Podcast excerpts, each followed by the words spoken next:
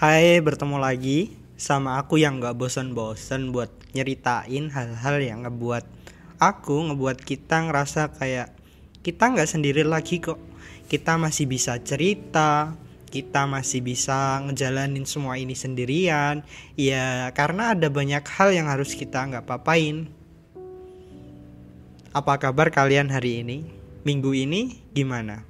Banyak senengnya atau lebih banyak sedihnya? Ada cerita apa? Oh iya, ketika kamu dengerin ini, lagi seneng atau lagi sedih sih? Semoga apa pun, di mana pun, dan bagaimanapun keadaan kalian sekarang, kalian baik-baik saja. Dan kalian senantiasa dilindungi sama Tuhan. Amin. Buat teman-teman yang lagi sakit, semoga cepat sembuh ya. Yang lagi sesak, semoga cepat lega. Dan yang lagi nggak happy, semoga bisa lekas happy ya.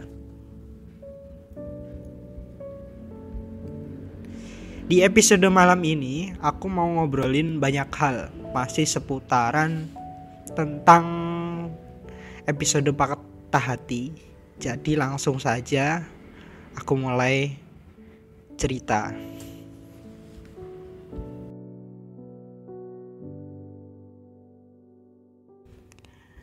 Aku tak tahu perjalanan kita akan sampai mana, tapi menemukanmu adalah caraku merayakan bahagia. Aku tak tahu kisah kita akan berakhir seperti apa, tapi beriringan denganmu menjadi keberuntungan selama aku menjadi manusia.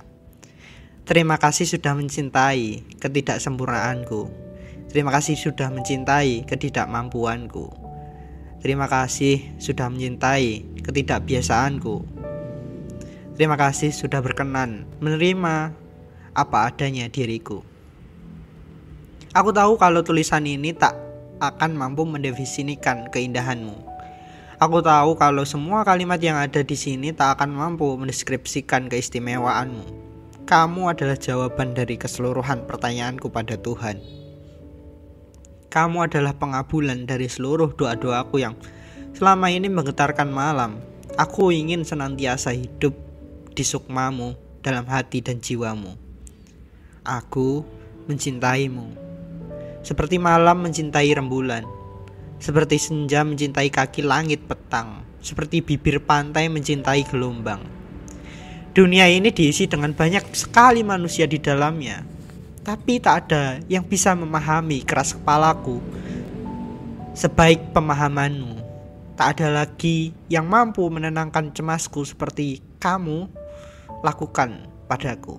Tak ada yang mampu menasihatiku tanpa harus menghakimiku. Menjadi bagian dari perjalanan hidupmu adalah semogaku.